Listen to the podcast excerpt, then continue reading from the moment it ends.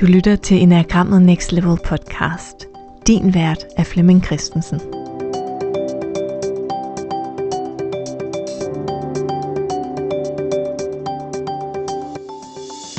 Har du nogensinde slået dig på din typebeskrivelse? Læst din enagramtype og tænkt, af. Har du måske ligefrem haft modstand mod enagrammet, fordi du læste beskrivelsen som negativ? Det vil vi gøre op med i vores e-bøger, typernes positive kvaliteter. Fordi her bliver typerne beskrevet udelukkende gennem andres positive oplevelser med dem. Jeg hedder Camilla Lærkesen, og det er mig, der bliver din vært på den her miniserie om typernes positive kvaliteter. Jeg er community manager i Facebook-gruppen Enagrammet Next Level, vi der bruger Enagrammet. Og i den her podcast-serie, der er det mig, du kommer til at opleve som vært, når jeg har en række gæster i studiet, der har læst e-bogen om deres egen type og fortæller, hvordan det er at blive mødt med den her positive version af enagramtypen. E-bøgerne de udkommer officielt til efteråret 2022, men hele sommeren, der kommer vi til hver uge at udgive en ny e-bog. Det gør vi på vores mailingliste, som du kan komme på, når du melder dig ind i Facebook-gruppen.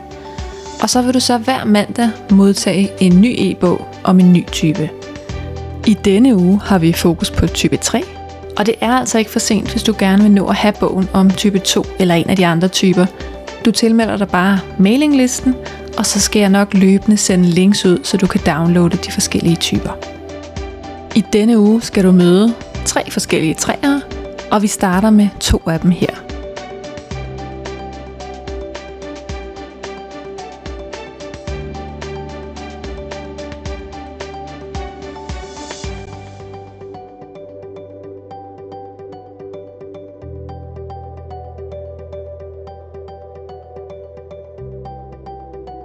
Rigtig god fornøjelse med den her episode af Enagrammet Next Level podcast og miniserien Typernes positive kvaliteter. Det er ikke noget, vi har aftalt på forhånd, men Hanne Mette Skov hun forstår på fineste vis at illustrere træerens positive kvaliteter. Hun er autentisk og gennemsigtig, reflekteret og ydmyg, og du kan glæde dig rigtig meget til at møde hende. Ja, jeg hedder Hanne Mette, og jeg har arbejdet med enagrammet, i, eller kendt til enagrammet, og arbejdet med det selv i rigtig mange år.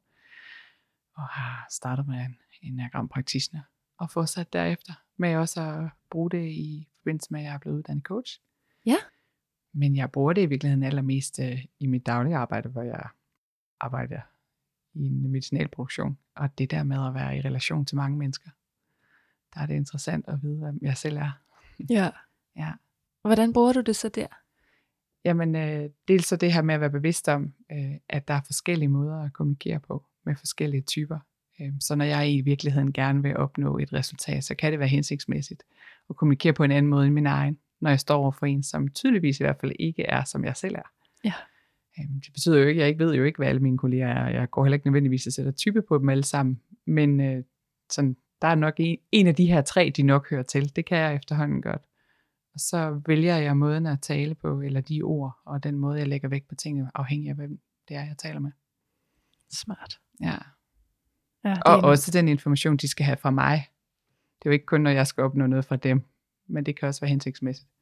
Ja, for det er jo super forskelligt, hvad vi lytter efter. Ja, og også hvad vi har brug for, for at føle os uh, trygge, og, og for egentlig far for det totalt træagtigt for at yde vores bedste, så øh, har vi jo brug for forskellige ting. Ja. Jamen lige præcis. Ja, ja, der er jo klart også noget effektivitet i det. Ja, det er der også.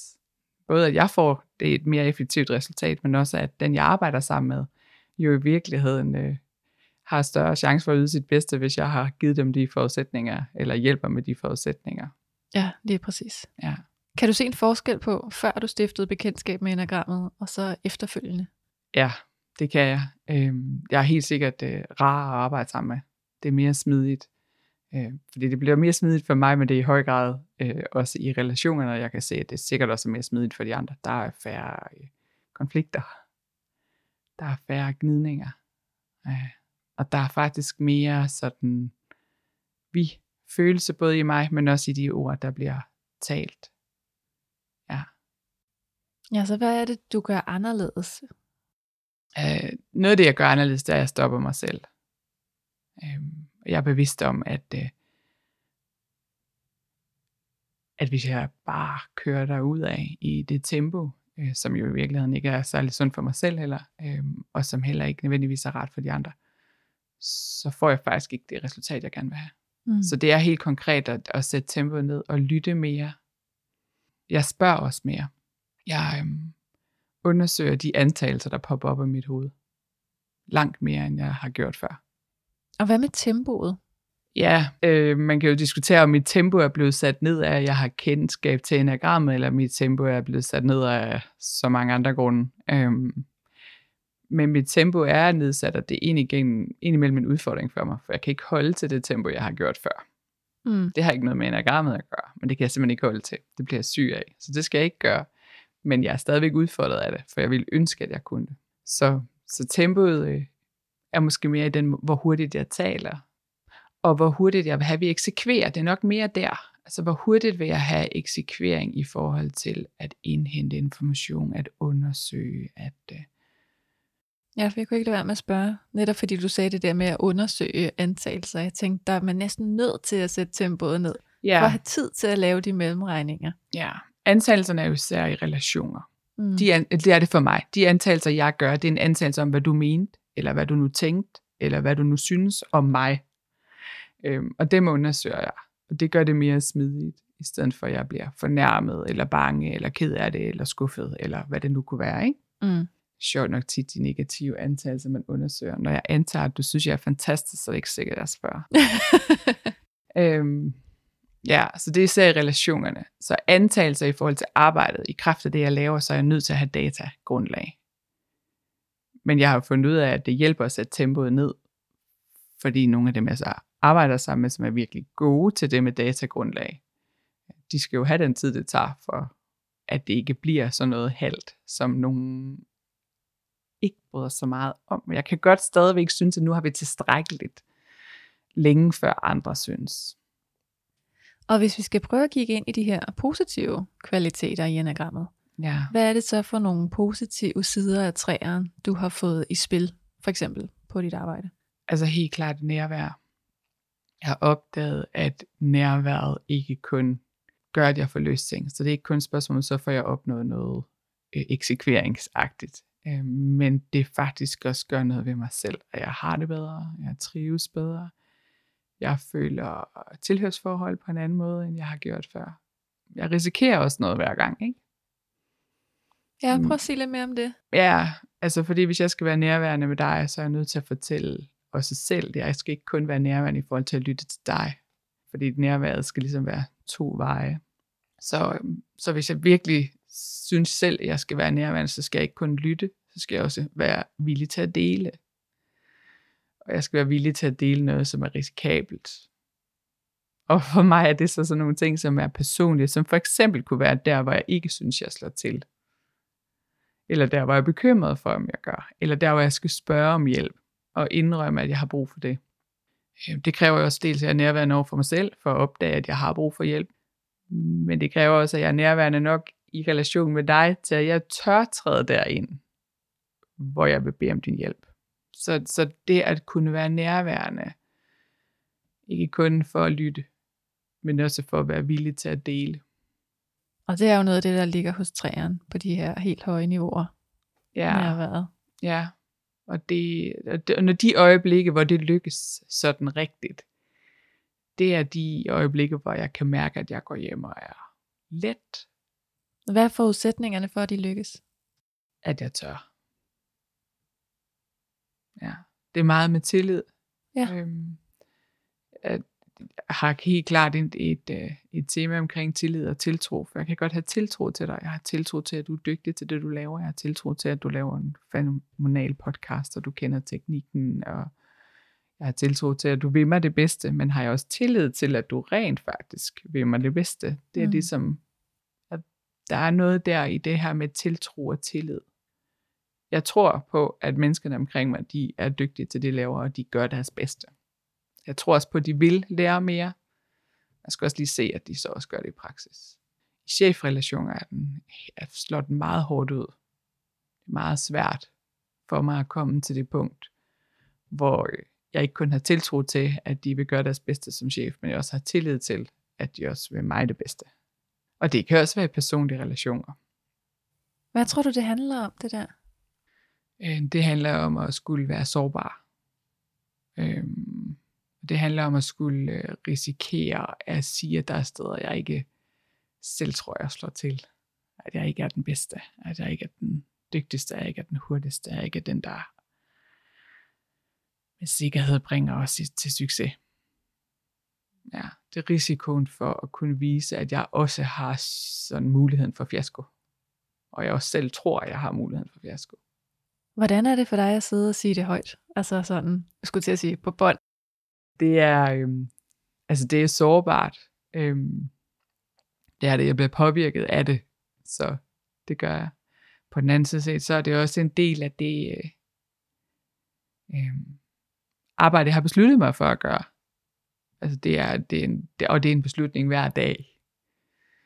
Fordi det handler om noget andet, øh, som også er en af de øh, skønnere sider, hvis det lykkes. Når det lykkes. Det er det her med at være autentisk. Altså det er jo uautentisk, hvis ikke jeg var ærlig, når du nu stillede mig spørgsmålet. Ja. Der er forskel på at lade være med at fortælle dig det. Øh, og så at du stiller spørgsmålet. Og det er simpelthen en beslutning, jeg har gjort mig i mit arbejde med mig selv, om at øh, det er okay at løbe den risiko. Og indtil videre er det jo ikke gået helt galt. Det må man sige. Jamen ikke kun med dig, men sådan helt generelt, ikke? Så er det jo, ja. Så hvad fik dig til at, at være med her? Fordi nu siger du, en ting er at ikke sige det, noget andet er, når man så bliver spurgt. Så kan man sige, det gør du jo her. Ja, øhm, en af tingene var det her med, at jeg tænkte, øh, endelig øh, kan vi have fokus på noget af det, der handler om at være de positive sider. Øhm, og noget andet er, at, at hvis ikke nogen af os stiller os frem, og nu træler vi måske ind i noget andet, og er rollemodellerne, der tør gøre det, øhm, så kommer det jo ikke til at hjælpe nogen. Øhm, og det handler både om min nuværende, dem der er omkring mig, eller dem der eventuelt lytter til det her, dem der er i hele det her community, som I jo på fantastisk vis har skabt, øh, men også øh, i virkeligheden også til den næste generation. Fordi nogle af os bliver ligesom nødt til at gøre noget, ikke? Ja. Øh, og, og jeg kan ikke bare stå og sige, jamen, hvorfor er der ikke nogen, der gør noget? Hvorfor er der ikke nogen andre end mig, parentes, som gør noget? Det går ikke. Øh, så det er viljen til at, ligesom at sige, okay, hvis jeg gerne vil ændre på noget, så bliver jeg nødt til selv at være med. Ja, hvad er den, der handler? Ja, det, at være den, der handler, og den, der tør at tage risikoen, ikke? Ja. Og så har jeg i mange sammenhænge øh,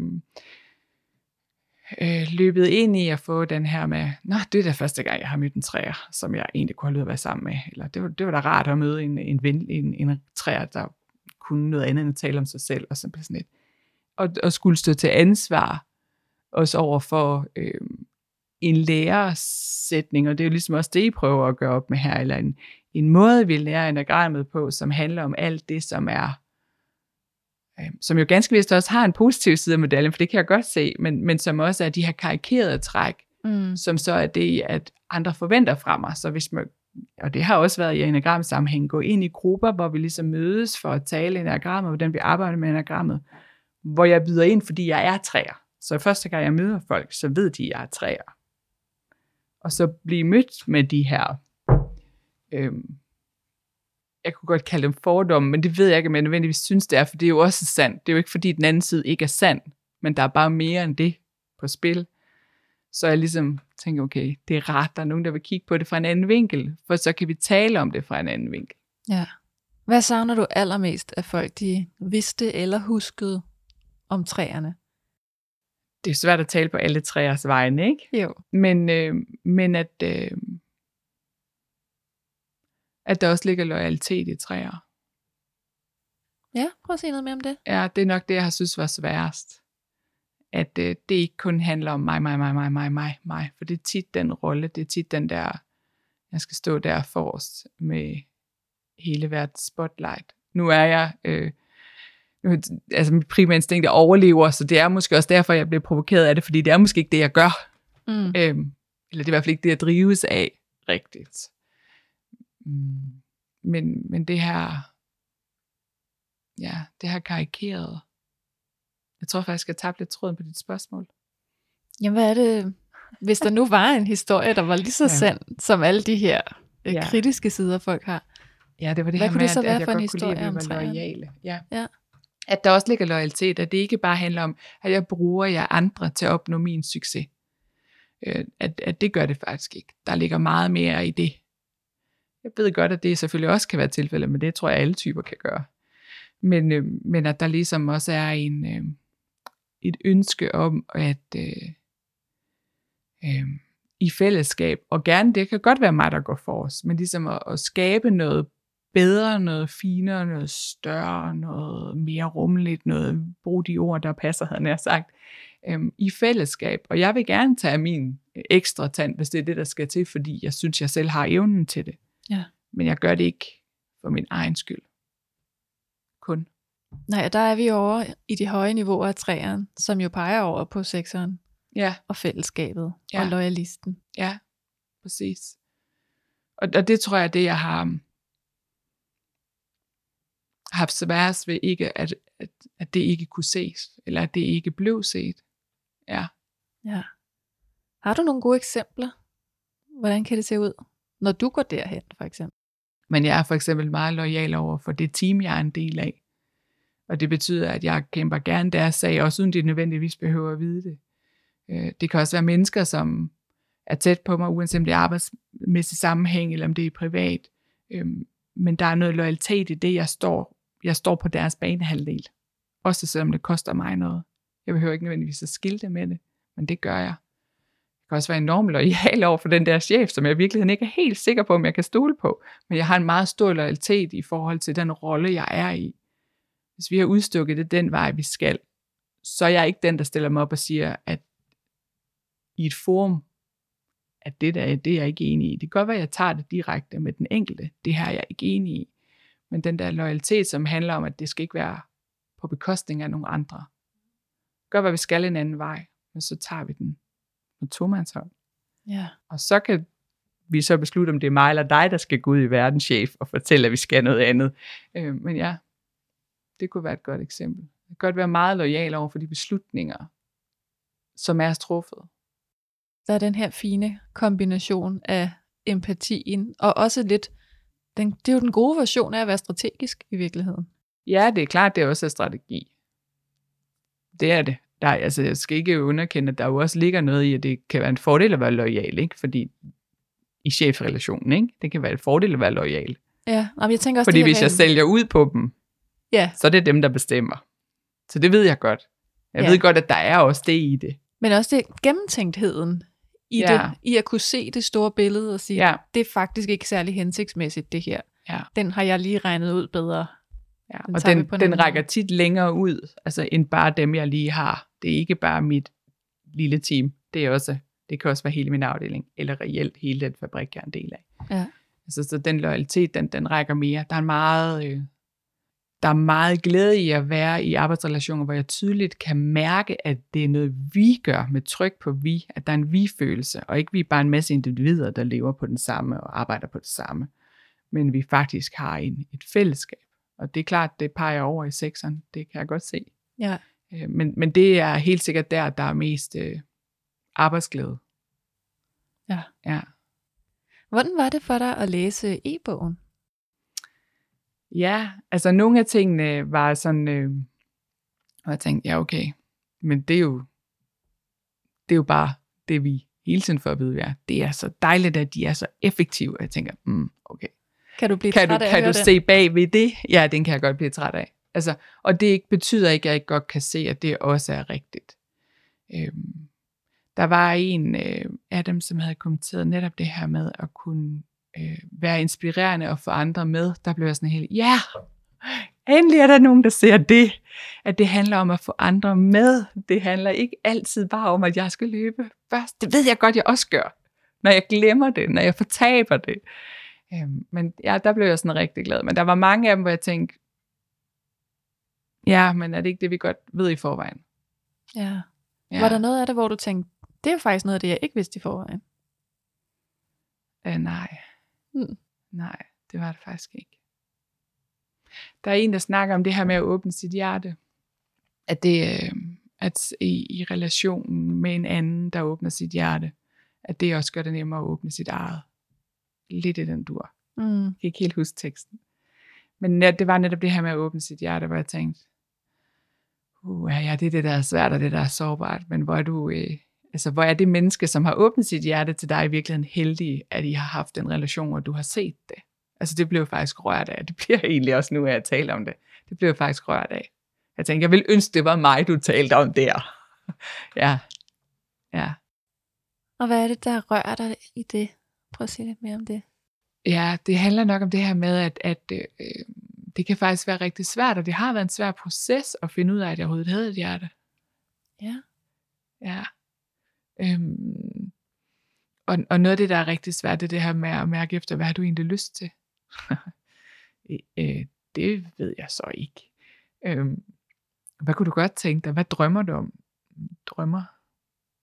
Hvordan, hvordan gør man det? Mm. øhm, ja, og, og jeg kan huske nogle af de første gange, jeg hører, Flemming bruger ofte en, øh, en vending, der er noget med at få sit hjerte til at synge. Ja. Og jeg kan huske de første gange, han sagde, jeg hørte ham sige det, så tænkte jeg, hvad snakker du om?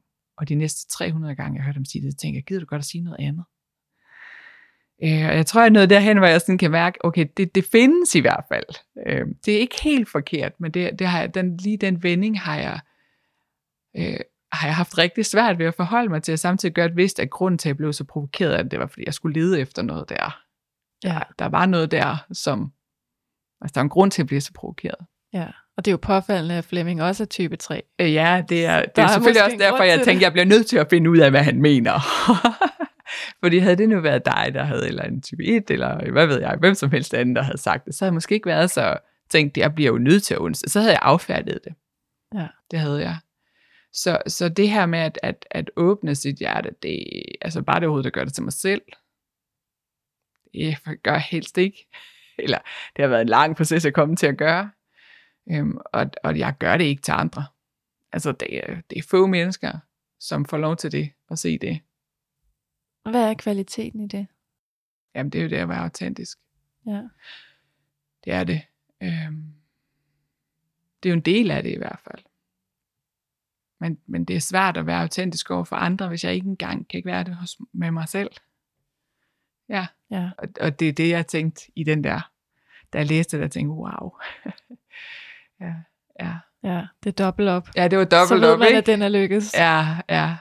Tænkte, det, så jeg tror ikke, jeg blev overrasket tænkte, det har jeg ikke set før, men jeg tænkte, dit heldige Asen. Ikke? Både den ene og den anden. Altså på begge sider af den der samtale dialog, og det her med at, ja, at have en, jeg tør gøre det over for at få lov at se i det, og også blive inspireret til selv at gøre det, fordi en anden viser mig det. ja. Ja. Var der ellers noget, der stod ud for dig? Nogle andre citater, eller noget, der overraskede dig? Nej, det var ikke, øh, det er ikke sådan virkelig overraskende, men jeg kan godt sådan tænke, okay, at jeg synes, jeg har arbejdet meget. Der er lang vej igen. der er masser at fortsætte med at tage fat i. For ville det være dejligt, at de her ting er det første, et nyt menneske, der mødte mig, ville sige om mig, på trods af, at de vidste, at jeg boede i type 3. Altså både i, at, at det var den viden, de havde på forhånd, det er en ting, men selv hvis de ikke havde den viden på forhånd, hvis de efter at have mødt mig, har lært mig at kende, at det var noget af det her, de sagde, i stedet for at sige, effektiv, hurtigt tænkende, hurtigt udarbejdende, eksekverende, springende over, hvor gaden er lavest, øh, synes, at det er vigtigt, hvordan jeg ser ud. Øh, altså, Ja. Hvad ville være den bedste beskrivelse, man kunne lave af dig, hvis man fik den rigtige beskrivelse fra start? altså den mest sande, eller den, der vil gøre mig mest glad. Den, der vil gøre dig mest glad. Ja. Øhm.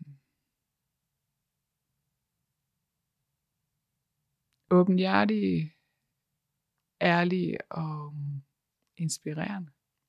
Og lige inde i mit hoved, så lyder bare runger bare lojal. Øh, øh, det tror jeg, det har været svært for mig. Det der med lojal, for det Ja. bliver ved med at tale virkelig højt. Den er vigtig. Ja, det er virkelig også vigtigt, ja. Men det kan man jo ikke for at mødt mig en gang. Det skal man jo kende mig over længere tid for at vide. ja. Hvad kunne Ja. være sådan, øh, hvad kan man sige, mellemstation til lojal? Ja, men det er lyttende. Det er helt klart den del at være lyttende og være nysgerrig. Øhm, nysgerrig på mennesket, ikke nysgerrig på viden. Altså, Ja. Det ikke, handler ikke om, at jeg er nysgerrig på, øh, kan du lige fortælle mig en masse om det her teknik, så nu jeg kan gå hjem og bruge det selv. Men i virkeligheden at være nysgerrig på, hvad har bragt dig til at lave det her, og hvordan kan det være, at du sidder her, og hvad har du med dig, hvad kæmper du med? Øh, Så det er lidt mere det, øh, ja, nysgerrig på det menneske, der er der. Det du drømmer om, ikke den du er i kraft af dit job, eller din familierelation. Men hvad er det, der er svært, og hvad er det, der er let, og hvad er det, der er, hvad er det, der er dig? Ja. Ja. Menneske til menneske. Ja. Og hvad med åben hjerte? Hvornår er du der? Ja, men der, det er jo kampen for mig, at det er åbenhjertigheden kræver enten et beslutning, som inden jeg træder ind ad din dør har besluttet, at det kan jo ikke nytte noget, hvis jeg ikke er det, så skulle jeg lade være stille op. Men, øh, men i relationer, så handler det om at uh, tage chancen, ikke? Men, men det, er tit, uh, det tager tit lidt længere tid. Og så kræver det jo sådan set også, at du er nysgerrig. Ja. For ellers så bliver det sådan en underlig vandfald, der bare sidder og snakker og fortæller om mig selv. Jeg kan godt have samtaler, hvor jeg tænker, nu gik jeg fra den her samtale, og nu handlede det igen om mig, fordi den anden var bedre til at spørge, end jeg selv var. Det er nemmere bare at svare, end det er at spørge. Uanset om jeg svarer ærligt eller ej, ikke også? Åh, det er interessant. Jeg sidder lige og overvejer, hvad jeg synes er nemmest. Så jeg siger, jeg synes, det er nemmest at spørge, men det er jeg faktisk i tvivl om, jeg egentlig synes. Ja. Har du nogle træer i dit liv, som du kan se udefra? Altså som øh, jeg med sikkerhed ved, at træer, Ja, så sikker som man nu kan blive, ikke? altså hvor de ligesom selv ved, de er træer, ikke? Det er det, der ligesom er. Nej, Ja. det har jeg faktisk ikke. Nej. Øhm, der er mennesker i mit liv, hvor jeg tænker, det er de nok. øh, men ikke i mine nære relationer, nej. Ja. Men jeg møder mennesker, som jeg, som jeg tænker hører til der, men jeg har heller ikke så mange nære relationer. Det er en meget lille skare. Ja. Der får lov at se dig. Ja. Ja. Hvis, hvis, man nu, hvis man nu skulle prøve at definere de træer ud fra de positive kvaliteter, hvordan ville du så kunne se, at de var træer? Ej, jeg bliver virkelig irriterende her, ikke? Fordi noget af det handler jo faktisk om det her med at gå foran. Ja, at gå foran og sige, tag teten og sige, det kan vi godt, og sådan, ikke? Og det er sjovt, og jeg bliver, og det grund til, at jeg synes, det er irriterende, fordi jeg har jo lige sagt, at det var irriterende, det var det, andre sagde. nu siger jeg det selv. Øhm, så, så det handler det faktisk om. Dem, jeg godt kan se, Astrea, så er det meget sådan, lad os, øh, de, de er drivkraftige, fremaddrivende, de, øhm, ja, vi får udrettet noget. Ja. irriterende. irriterende, ikke? At det lige er det, jeg så samtidig også selv tænker, kan du ikke komme på noget andet til de andre? Nu er det det, jeg selv siger om dem. Men den, den ene, som sådan står meget klart for mig, og som, øh, ja, han, han har helt sikkert også noget øh, nysgerrighed på dybde, og noget vilje til at være, øh, ikke kun at være den, der står foran, men også at være den, der løfter andre til at komme foran, til at udleve deres bedste potentiale, til ligesom at få udviklet sig og komme fremad. Men det, de hver især nu har af evner og ønsker og kompetencer, det er der ingen tvivl om, at det, det står meget tydeligt for mig. Det synes jeg har været ret fantastisk at, at være i nærheden af, både at være vidne til, men også at kunne være udsat for, kan man sige. Ikke? Ja. Ja, det synes jeg var lækkert. Det er der ingen tvivl om. Så, så det er sådan en det er sådan en virkelig positiv kvalitet, jeg også kan se i træer energien, i hvert fald i, i her, i det her eksempel. Han har virkelig, han har virkelig sådan den der ønske om at løfte andre, og ikke kun sig selv. Ja. Ja. Øhm, fordi når vi, og jeg ved godt, at fordi, når jeg siger, altså det, når vi i fællesskab alle sammen er lige bare 10% bedre, end vi var i går, mm, så kommer vi også mere end 10% længere. Fordi det bliver ikke 10 plus 10 plus 10, vel? Det bliver jo ikke kun 10. Så bliver det jo lige pludselig, hvis vi er 6, så er det jo 60% længere, end vi var i går, ikke? Så, så den der, øh, men den der glæde ved også at se andre øh, løfte sig og komme frem og få udviklet noget, de ikke selv troede på. Det, ja, det kan jeg se, at han kunne og har evnerne til. Ja. Og må ikke også, det handler meget om, at man skal op på nogle af de øvre niveauer for at være der, hvor man som træer begynder at række ud og, og gå hen mod sekseren og have fokus Jo. på teamet. Og langt de fleste mennesker, langt det meste af tiden, er på et mellemniveau, hvor de ting, vores type kan, ja. Så lidt som ingenting. Det, det er det, vi kommer til at køre på. Ja. Så det er nok derfor, det er det ting, vi hægter op på hinanden. Men de får udrettet meget. Altså vi får udrettet Ja. meget. Vi får udrettet meget, fordi nogle gange så er vi ikke tale så meget om det, der, som bare få det gjort. Altså den kan virkelig, jeg ved godt, den godt kan ligge i andre også, men den kan virkelig ligge meget udtalt der. Altså, Ja. Hvis vi skal bruge lige så lang tid på at beslutte, hvem der skal gøre det, som det tager at gøre det, skal jeg så ikke bare gøre det. ja, og når du overhovedet at spørge. Nej, det kan godt være, jeg ikke altid når at spørge. Men det er også det, jeg godt kan se i nogen omkring mig, ikke? hvor jeg tænker, der er i hvert fald meget træenergi i den måde, de agerer på. Og Ja. det er typisk sådan en ting, jeg lægger mærke til. Er der noget, du tænker, det skal vi simpelthen lige nå omkring at have med? Jeg tror, noget af det, jeg synes øhm, har været sværest i mit eget arbejde med det, det har været det her med at finde ud af, at øh, normalniveauet, eller hvad du nu vil kalde mellemniveauerne, det er ikke nødvendigvis er negativt. Ja. At, øh, at det, at jeg er der og arbejder på den måde, og er sådan, ikke gør mig til en fiasko at øh, succeskriteriet ikke nødvendigvis er derude et eller andet sted i horisonten, hvis bare jeg gør en hel masse. For det er en meget hård og lang proces. Men at det faktisk er en helt normal del af, af hverdagen, og bare det at få øje på det, at er en succes i sig selv. Ja. Ja. Jeg er ikke en fiasko, fordi jeg er på middelniveauet. Ja, den synes jeg faktisk er virkelig vigtig. Ja. Og måske især i de kredse, der arbejder så meget med sig selv, og Ja. med udvikling og med enagrammet. Ja. At succesen ligger ikke i at være på det allerhøjeste niveau. Succesen ligger i at opdage mig selv. Og tage mig selv i de, de situationer, hvor det sker. Ja. At jeg lader min type løbe afsted med mig, og det går ud over mig selv eller andre. Ja.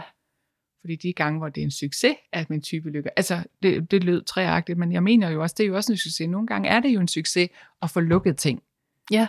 Det er jo ikke negativt, men det var bare normalniveauet. Ikke? Jeg tænkte mig ikke om, men jeg gjorde det bare, ja, men bevar, så var nogle andre, der slap. Det går nok. Det, det er ikke en fiasko, at jeg ikke hævede mig til et højere niveau i det øjeblik, hvor der var en helt banal opgave, der bare skulle løses hurtigt. Nej, nej, det er jo det. Ja, det, det tror jeg faktisk, det havde været godt for mig at have set det på et tidligt tidspunkt, for jeg synes, det var virkelig svært i starten. Der er også noget med, at jeg tænker, det, du er jo heller ikke vi nødt til fuldstændig at forlade alt det, vi kender og kan. Nej. Og så er det måske at være mere mm, rummelig er måske ikke det rigtige ord, men mere øhm, blid med sig selv og andre i den der proces, og måske i virkeligheden bare hver eneste dag. Ja. øhm, ja. Tal pænt også til dig selv indeni, ikke? At det er ikke kun etterne, der godt kan være virkelig hårde. De kan i høj grad, det var ikke sådan ment, det var ikke for, men, men det kan faktisk også ske hos andre. Ja. Og hvis vi sætter succesen at være, hvis succesen var, at jeg var på det højeste niveau, så er jeg jo en fiasko hver evig eneste dag. Undtagen i det splitsekunder, hvor jeg måske ikke er det. Men det er jeg måske ikke. Det er måske ikke en fiasko. Ja, den synes jeg faktisk er god at slutte på. Det synes jeg virkelig er vigtigt, at folk de tager med sig. De kunne jeg godt bruge, der var nogen, der havde sagt til mig for 15 år siden. Ja. Og måske bare hver dag siden. ja. ja. Vi kan lave sådan en lille, lille citat og lægge ind i gruppen. Mm. Tak fordi du var med. Tak for invitationen. Selvfølgelig.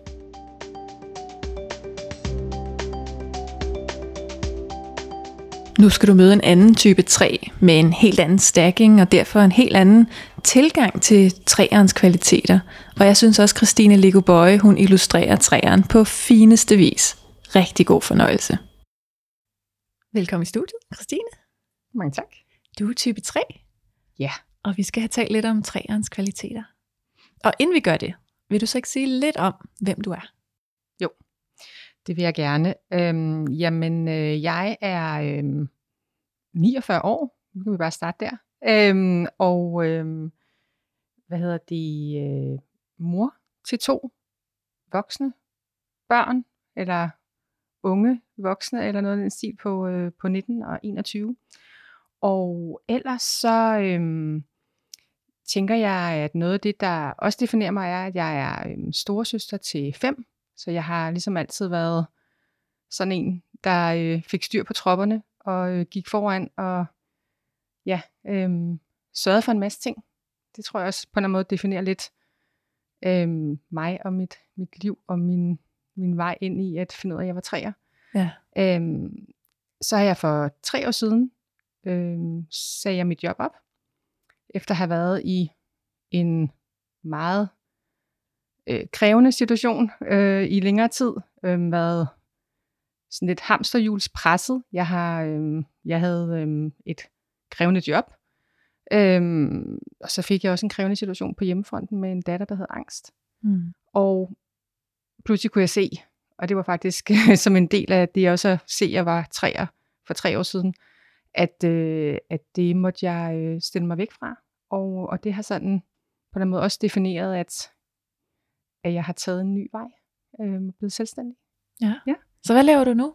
Jamen, øh, nu, øh, nu har jeg jo så øh, øh, fundet noget af den her passion inde i mig selv i forhold til, at det øh, liv eller arbejdsliv, jeg havde før, som jeg på, i hvert fald da jeg kom ud af det, godt kunne se på ingen måde var bæredygtigt eller passioneret eller noget, at det er faktisk noget af det, jeg, øh, jeg er øhm, kan man sige, rådgiver, er mentor og coach, er jeg også uddannet.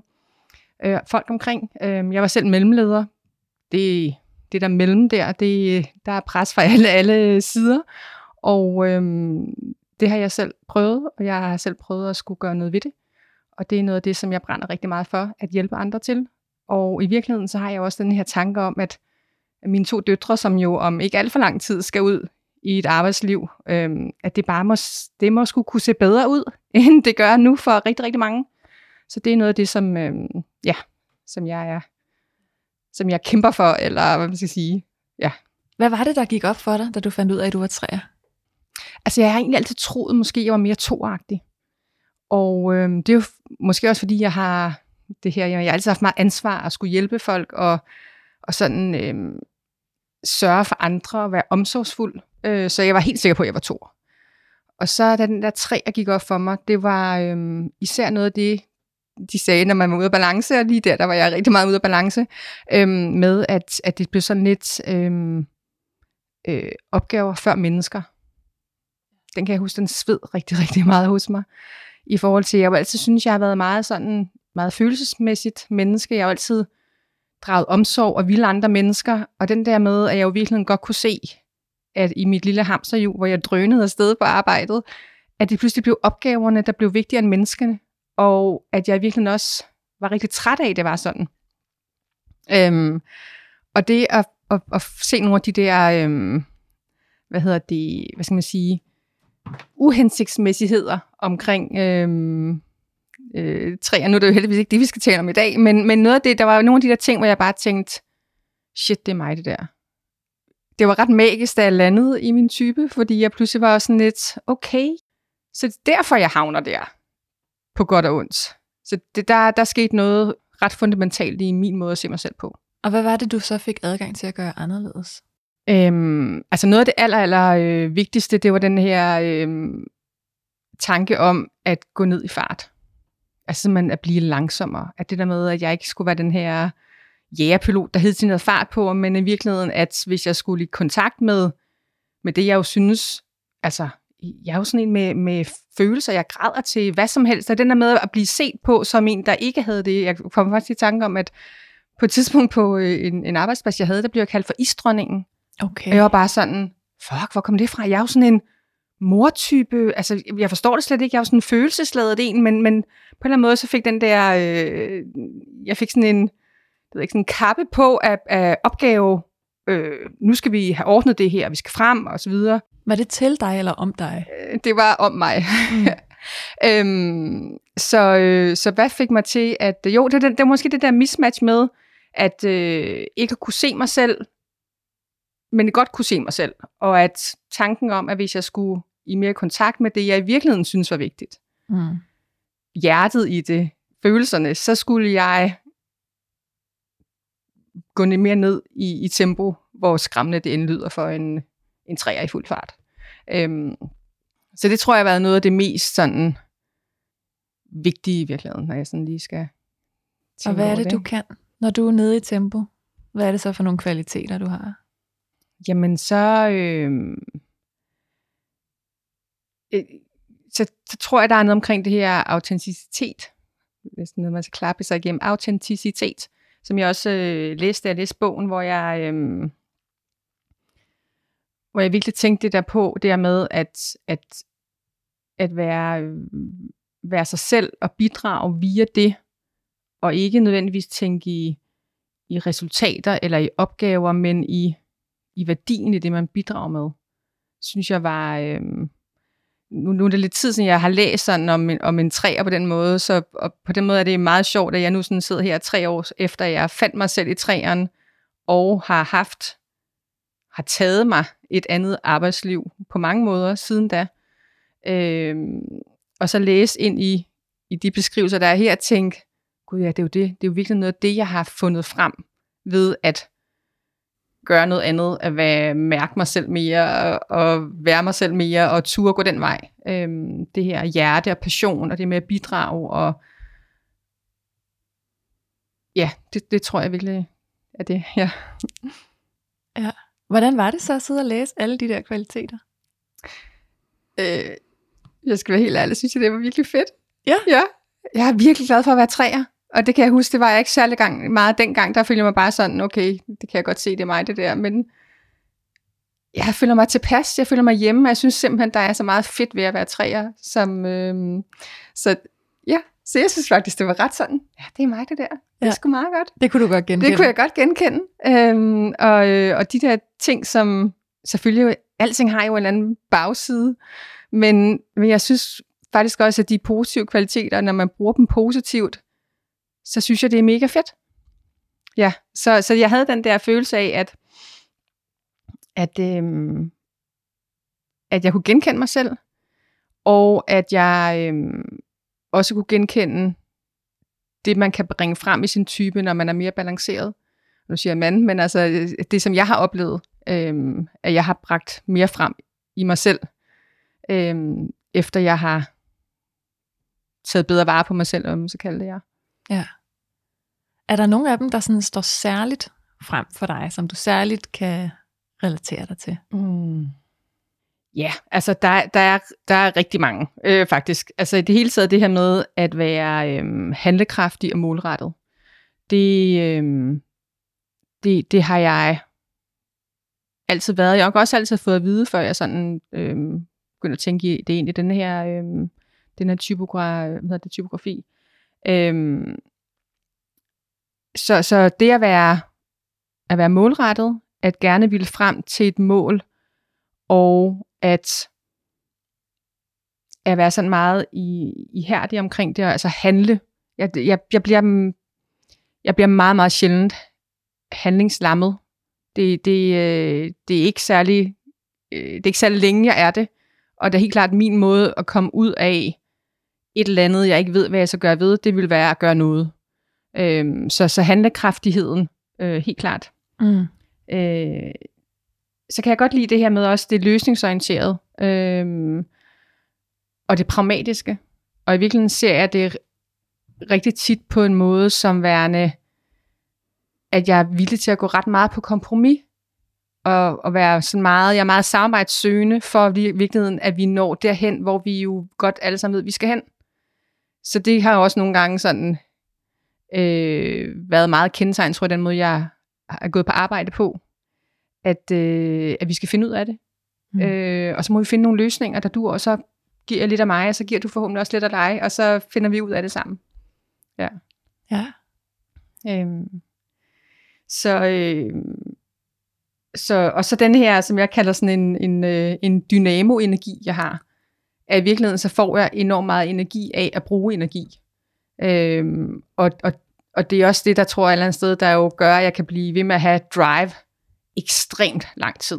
Altså, øh, jeg kan gå virkelig langt på literen.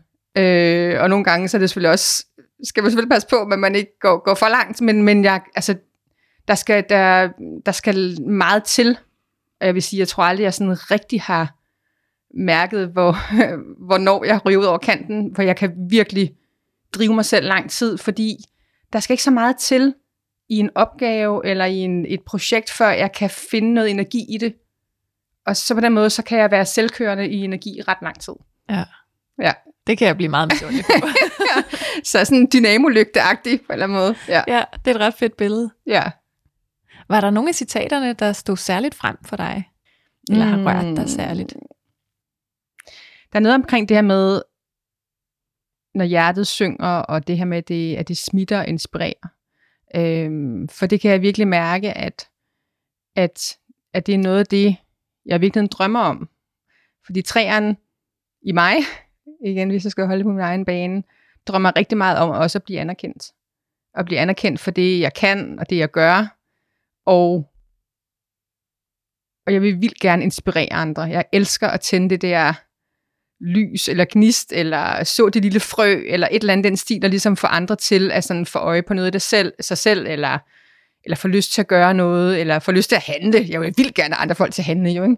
Men, øh, men sådan, øh, så den der, øh, øh, at kunne mærke det med, at når jeg lader, ja, når jeg lader mit, mit hjerte synge, som der står derinde, eller min, øh, lader mig stå frem, eller jeg bruger rigtig eller de tre sidste år, jeg øvede mig rigtig meget på at vise øh, noget af min sårbarhed, altså hive en masse af mine, mit rigtig beskidte vasketøj fra, øh, fra min tid i hamsterhjulet, for at sige det sådan, øh, øh, sådan lidt kægt.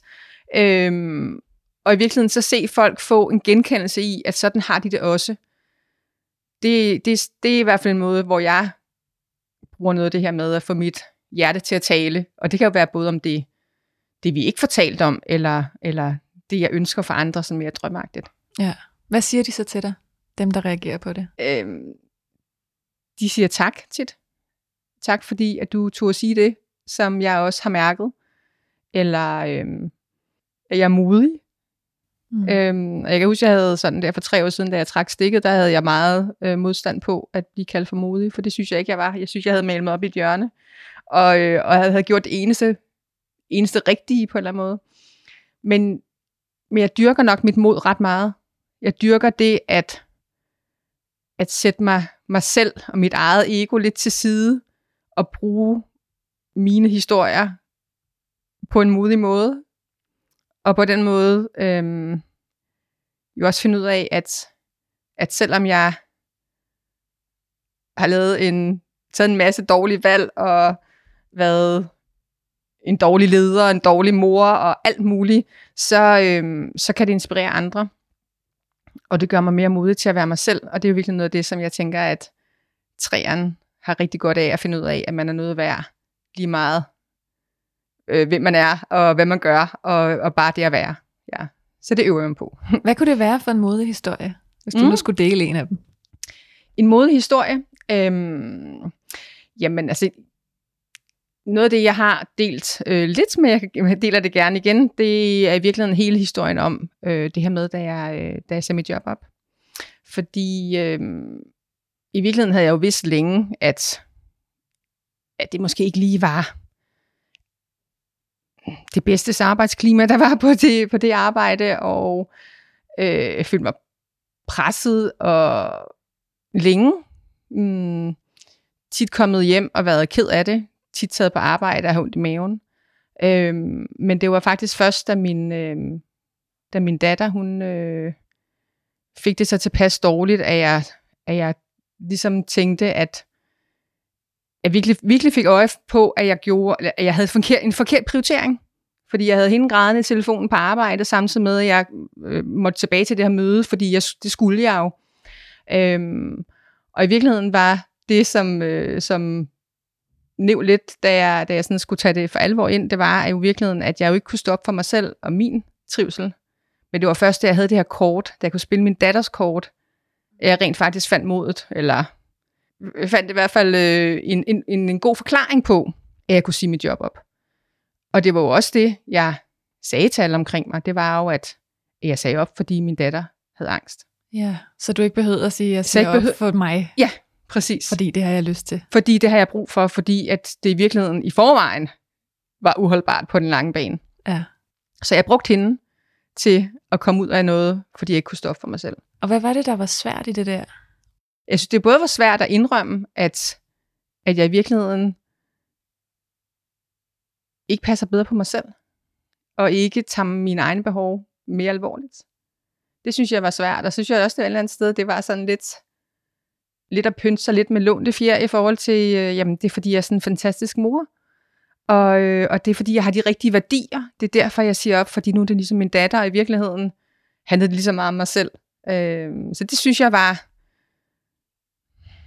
på grænsen til uærligt, eller en halv sandhed i hvert fald. Ja. Og det synes jeg, øhm, det synes jeg var, var svært. Men, men det, nu har jeg fået indsigten, og jeg har det, jeg har øh, forenet mig med den, og så videre. Og, og det, det deler jeg gerne, at det, det synes jeg ikke er så kønt. Men på en eller anden måde, så gjorde det jo det for mig, det skulle. Det var at af noget, som ikke var, var godt. Og jeg gjorde det jo også for at kunne tage mig af min datter, fordi jeg i virkeligheden synes, at det er ret meget vigtigere ja. end, end mit arbejde.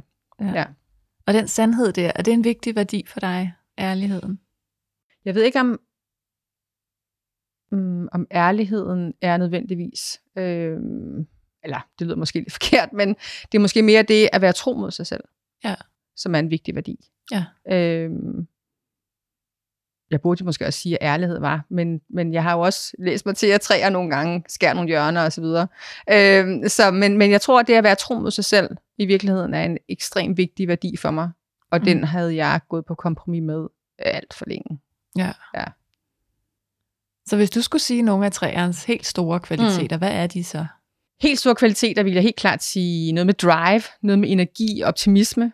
Øhm, vi, vi tror altid på, at der, at der er en løsning. Vi finder ud af det. Vi, vi skal nok klare det. Vi, øh, vi gør nogle ting. Vi, vi prøver os frem. Altså den her, øh, det her øh, øh, ja, drive, som jeg, øh, som, som jeg virkelig godt kan mærke, at jeg selv har. Altså igen, det, det er sjældent, det mangler. Det kan godt mangle nogle gange, men for det meste har jeg et ret stort drive på at gøre noget. Øhm, så den her øhm, ihærdighed og målrettethed og vedholdenhed i virkeligheden også, Mm. er pisse dårligt til at give op. Altså det er meget, meget få ting, jeg giver op på, fordi, ikke fordi det er noget, men det er en fiasko, det er bare fordi, jeg har svært ved at slippe håbet for, at det stadig kan lade sig gøre. Så det er ikke så meget, fordi jeg er bange for fiaskoen, tror jeg ikke. Jeg tror mere, det er bare, fordi jeg tror på, at det kan stadig lade sig gøre. Har Ja. stadig et håb, eller det, det, det må kunne lade sig gøre. Vi har bare ikke lige fundet ud af præcis, hvordan. Øhm, og så den her øh, med, øh, med det løsningsorienterede. Øh, fordi jeg synes, det er så, så vigtigt, at vi tænker i alle sammen at bidrage til, at vi kommer et andet sted hen. Øh, og det samarbejdende og det kompromissøgende et eller andet sted i, at, at lad os nu finde ud af det sammen, og, øh, og, og finde ud af, hvad det i virkeligheden er, vi alle sammen bidrager ind i, eller chipper ind i. Ja. Øhm, Og det er det her med at bidrage med, altså se på værdien. Præcis. Fordi en ting, jeg måske altid har haft lidt svært ved sådan helt at, at, øh, at læse mig selv ind i, i træerne, det er det her med det, det store ønske om succes og resultater, konkurrence. Jeg har aldrig set det som værende på den der meget øh, maskuline måde i virkeligheden. Mm. Øh, Hvordan har det set ud hos dig så? altså der har det været ikke succes for, at jeg skulle være succesfuld, men det har jo været sådan et, et bytte for, dels selvfølgelig at blive anerkendt, men også for at, at, at flytte på noget. At flytte på noget, som var større end min egen succes. Det har ikke sådan alt, ikke? jeg synes ikke, det har været min succes. Det har mere været sådan en, en succes, der gjorde noget for os alle sammen. Ja. Så, så den her mere sådan meget med, som jeg nogle gange godt kan læse mig til, at træerne bliver sådan en, sådan et, øh, øh, med sådan spidse albuer, og mig, mig, mig, og øh, jeg skal bare frem i verden. Det har jeg aldrig set mig, for det har aldrig været det, har aldrig været det der har været målet. Mm. Det har været målet at være en god storesøster for alle mine søskende, eller skabe en, en familie, eller øh, løse nogle projekter eller nogle spændende opgaver på arbejdet. Øh, det har virkelig været på sådan et midler til at, at, at skabe noget større. Ja. Og så med nogle strategier måske Ja, ja, fra træerne der. helt sikkert nogle strategier, hvor det jo handlede om at, at være målrettet, at være blive ved, at øh, hele tiden, når man møder en mur, jamen så, oh, hvad gør vi så? Ikke noget med lige at lægge sig ned og tænke lidt over det. Så må vi gå udenom. Kan vi det? Kan vi kravle over? Er der en stige i nærheden? Altså den der følelse af hele tiden at tænke, altså vi skal jo over. Vi stiller, jeg stiller ikke spørgsmålstegn ved, om vi skal over, over muren, fordi det er, jo, det er jo sådan, det er. Og det er jo nogle gange det, der jeg, jeg, jeg kløjs i. Men tænke, okay, hvordan finder vi ud af det? Vi kommer over. Mm, er der måske et lille hul der? Kan vi lige pirke lidt i det? Er der, altså, er der nogen, der kigger hestesko? Altså, det er jo hele tiden den der følelse af, at, at vi skal nok komme over den der mur. Det er bare et spørgsmål om, hvordan og hvornår. Ja. Øhm, det er ikke et spørgsmål om, at jamen, så gider vi ikke over den mur. Nej, nej, nej, nej. Nu står muren der, har vi så meget, så vi skal den vej. Så det er et spørgsmål om, hvordan vi gør det. Ja. Øhm, ja. Jeg synes, det var et ret fint udtryk at være dårlig til at give op. det kan jeg virkelig godt Ja. lide. Og det var på godt og ondt, ikke? fordi jo. det var jo også i virkeligheden det, der, var, der fældede dig på jobbet. Præcis. Altså, at det var svært at give op. Ja. Så hvordan holder du balancen i det der? Både kvaliteten i at være dårlig til at give op, men også altså, der, hvor det bliver en udfordring. Noget af det, som jeg har arbejdet rigtig meget med, også især de, øh, de sidste par år der, det er, øhm, det er noget omkring mine værdier. Øhm, og noget om, om, hvad der i virkeligheden er det vigtigste. Så noget med at holde meget, være meget bevidst om, ja, hvad er det vigtigste, og hvad er mine værdier. Og på en eller anden måde hele tiden have den her øh, forventningsafstemning med mig selv i forhold til, okay, at det her er vigtigt, eller er det bare noget, der står på min to-do-liste, og, og, og lige snart det, altså jeg er meget god til at spotte ting, der kan gøres noget ved, og jeg har en to-do-liste, som, jamen altså, forfærdelig lang to-do-liste. Og så kunne jeg jo bare fjerne den fra den der to-do-liste, men det kan jeg jo ikke. Altså det er jo lidt det samme som at give op. Nu står de der, det er en opgave, der burde laves på et eller andet tidspunkt. Så, så, så der er jo noget i det der med, at, at tage noget væk, og så bare have fred med det. Så det øver jeg mig rigtig meget i. Øhm, så, øh, så holde hele tiden, hvad er det vigtigste, og så, så kan jeg mærke, at noget af det, som, som styrer mig lidt i forhold til en strategi, det er helt klart noget med, øh, ikke hvilken opgave jeg skal lave med, hvor lang tid skal jeg bruge på den. Mm. Så hvor lang tid må jeg bruge på arbejde i dag? Og så prøver jeg på at hegne det ind i sådan en tidsstyring frem for en opgavestyring. Fordi opgavestyring for mig, så er jeg også tidsoptimist, altså næsten tidspsykopat. Så jeg forestiller mig jo et sted, at jeg kan nå 10 gange mere, end jeg kan. Så jeg vil jo altid på en eller anden måde, hvis jeg ikke styrer efter, hvor meget tid jeg skal bruge på det, så vil jeg jo altid være bagud. Ja. Og det, det er ikke en rar følelse at have for længere gang i hvert fald. Altså, der er noget med at, at lære at give op på den der mur. Nej, at det bliver i hvert fald ikke i dag, og hvor vigtigt Ja. ja. er det lige. Jeg kunne også lige sætte mig ned her, og hej, der er nogle pæne blomster. Ja. Ja. Det er faktisk meget rart at sætte sig ned lidt her. Og jeg, det er jo ikke, fordi jeg egentlig, altså man kan måske få et billede af, at jeg er sådan en, der løber rundt hele tiden, aldrig kan slappe af. Og det, det kan jeg godt. Nogle gange så skriver det på min to-do-liste, og så står der lige, brug en halv time på at drikke kaffe i solen, og så hvis det står der, uh, så er jeg nødt til at gøre det. Okay, Fordi sådan jeg har kan, du det. Jeg kan jo ikke give Ej, op på fedt. den. Ja. Så, så, jeg, så jeg fletter det ind i den der, fordi der er jo heller ikke noget federe end at, eller det siger jeg jo, der er ikke noget federe end at kunne strege noget på den der liste der. Så, så der kan både være en doing-liste og en being-liste, og så prøver jeg at blande tingene sådan ind på den samme, sådan så jeg, så jeg styrer mig selv i forhold til også at bruge nogle af de her øhm, sige, sådan nogle helt intuitive måder at være på, som at godt kunne lide at strege ting ud. Hvis første står på listen, så giver vi ikke op på den. Øh, så det prøver jeg at flette de ting ind, som også er, er gode ting. Ja, det er Ja. smart. ja. Det virker for det meste, ja. Hvad er det bedste, man kan anerkende dig for? Jeg tænker for det første, kan, kan, man, kan jeg godt lide bare det at blive set. Altså set for, for det at gøre, men ikke på en, en resultatagtig måde. Men set for ting, jeg gør, ved bare at være der. Altså at, øh, at have søskende, der kan fortælle mig om, at, at det var så vigtigt, at jeg kunne tage fat på dig. Bare, og jeg vidste, du var der. Eller, så, så sådan en, i virkeligheden ja, er det jo at anerkende mig for min væren. og ikke nødvendigvis med gøren. Ikke, ikke fordi jeg ikke også vil få at vide, at det er fedt, at du lykkes med det og det, men tit så, så har jeg jo allerede selv følelsen af, at det var fedt, at jeg lykkedes med det og det. Ja. Så det er jo mere proces, øh, eller væren, som er, er måske det, jeg har brug for at blive anerkendt for, for det er det, jeg selv er dårlig til at se, at det var, det var fedt, at jeg arbejdede hårdt nu på det der, selvom det ikke gav det, det skulle, så vil jeg jo have tilbøjelighed til at mest få øje på, at det ikke gav det, det skulle, frem for at jeg virkelig gjorde en indsats. Ja. ja. Jeg havde øh, Hanne Mette i studiet i går, som også er træer. Ja. Og hun sagde faktisk, hun var, der var en lille del af hende, der var en lille smule skuffet Ja. over nogle af de kvaliteter. Okay? Fordi hun synes, det var, øh, altså det er så nemt for hende ikke, at være effektiv Mm. og eksekvere. At på en måde, så var det ikke rigtigt det, hun ville ses for. Ja. Kan du genkende det, eller tænkte du det samme? Nej, egentlig ikke. Fordi jeg synes, at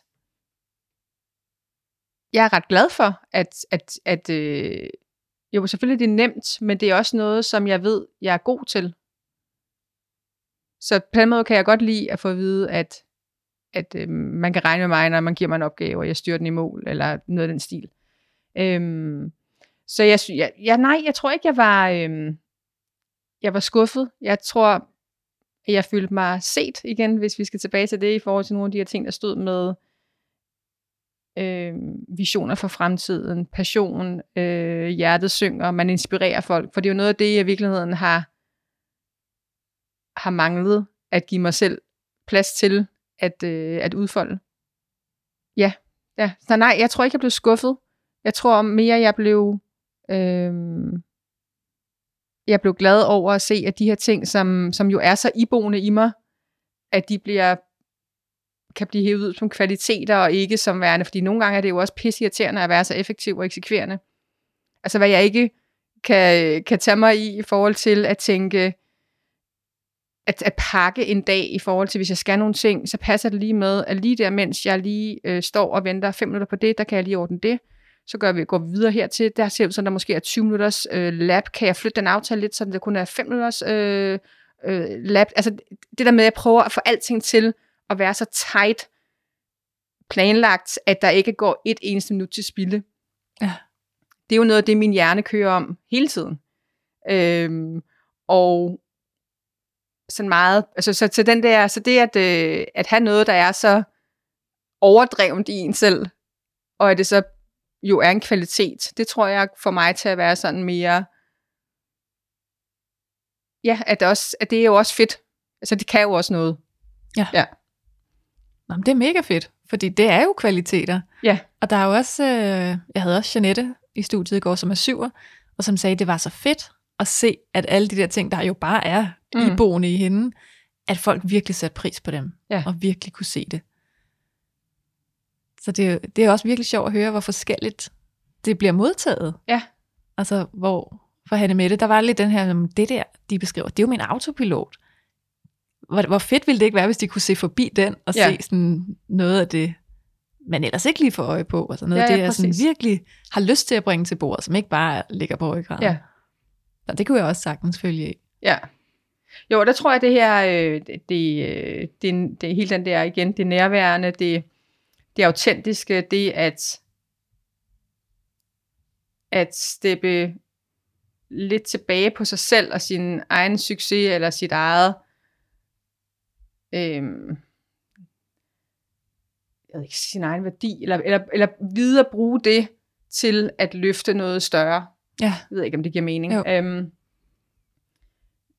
det, det synes jeg virkelig, det synes jeg kommer frem, måske også fordi jeg havde brug for lige også at se det på den måde på skrift, så det, så det er i hvert fald noget, der springer mig i øjnene, og i virkeligheden jo i tale til det her med igen, at, at det er værdiskabende, og, og det er ikke lige med øh, resultater, øh, succes, øh, 12-taller, øh, høj indtjening, altså sådan nogle, det ved jeg ikke, det er mere, måske mere glansbilledeagtige succeser, øh, synes jeg jo, hvor jeg jo tænker, at værdien i det, man skaber, er, er det vigtigste. Ja, præcis. Øhm. Så det synes jeg var, det synes jeg var fedt. Var der noget, som du slet ikke kunne relatere dig til, eller som overraskede dig? Mm.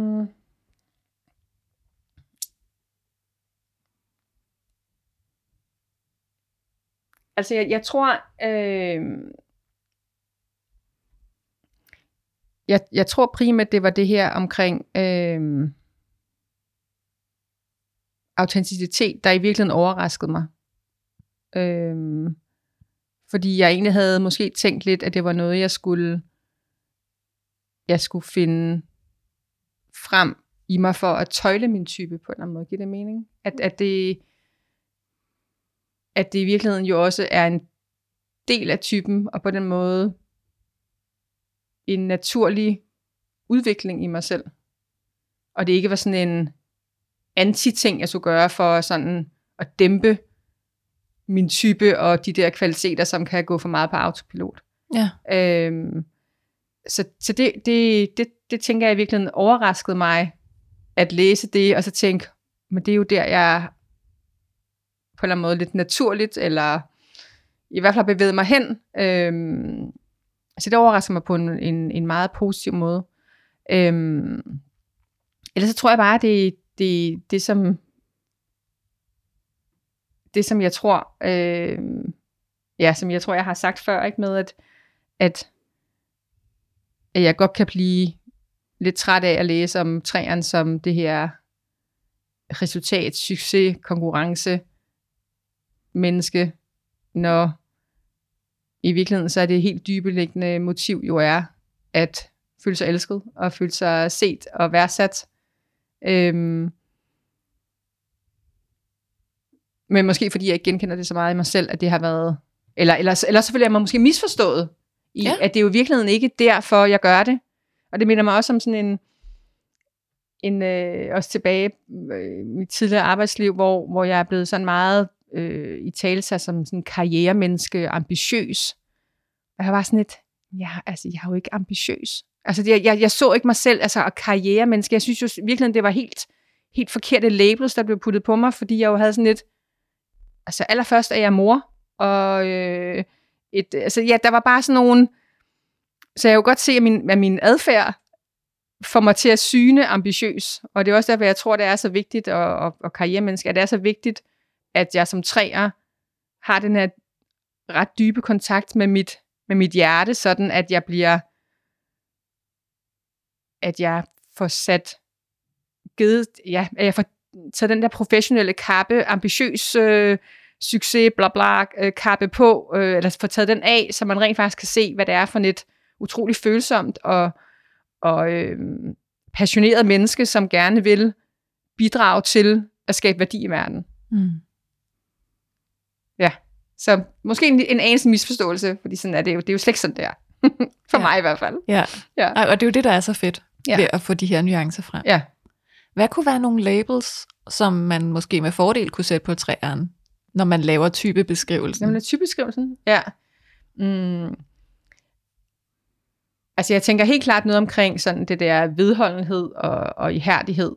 Altså at, at troen på, at hvis man gør en indsats, så kommer man et sted hen.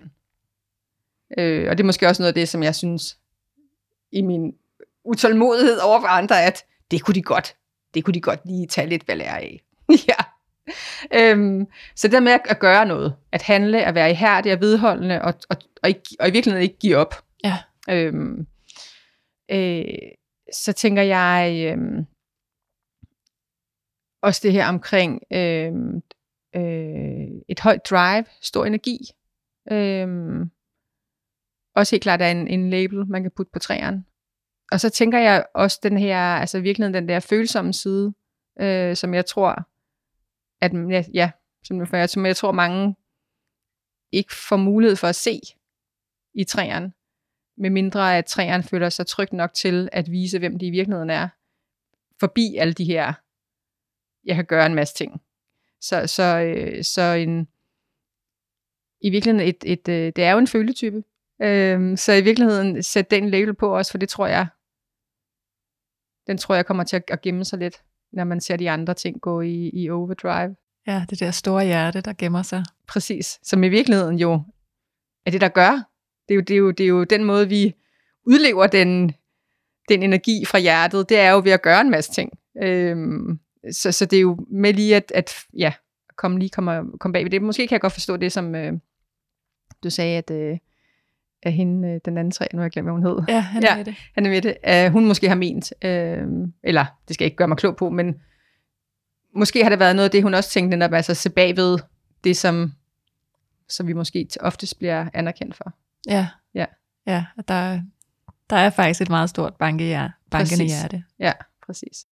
Jeg tror i virkeligheden, at, at det her med autent- autenticiteten er sådan, øh, er sådan ret key for træerne. At en måde at få kontakt til, til det, som er, er dig, altså formålet bag, at man, at man gør alle de her ting. At man er ihærdig, at man er gør en indsats. Så den her med at, at sætte sig for, at ture være, være den du er, frem for, for, for det alle dem omkring dig på en eller anden måde forventer, fordi du jo netop er sådan en, der gør ting. Og hvis du er en, en træer som mig, så har jeg jo været fra barns ben været i fuld gang med at gøre og gøre og gøre og gøre, og blive ros for det, og for at vide, at jeg var god til det, og, og på den måde, så bliver det jo sådan en, en måde, man jo netop bare er i verden. Øhm, og, og det at, at komme sådan i ægte kontakt med, hvad det i virkeligheden er, man er, både på godt og ondt, Mm.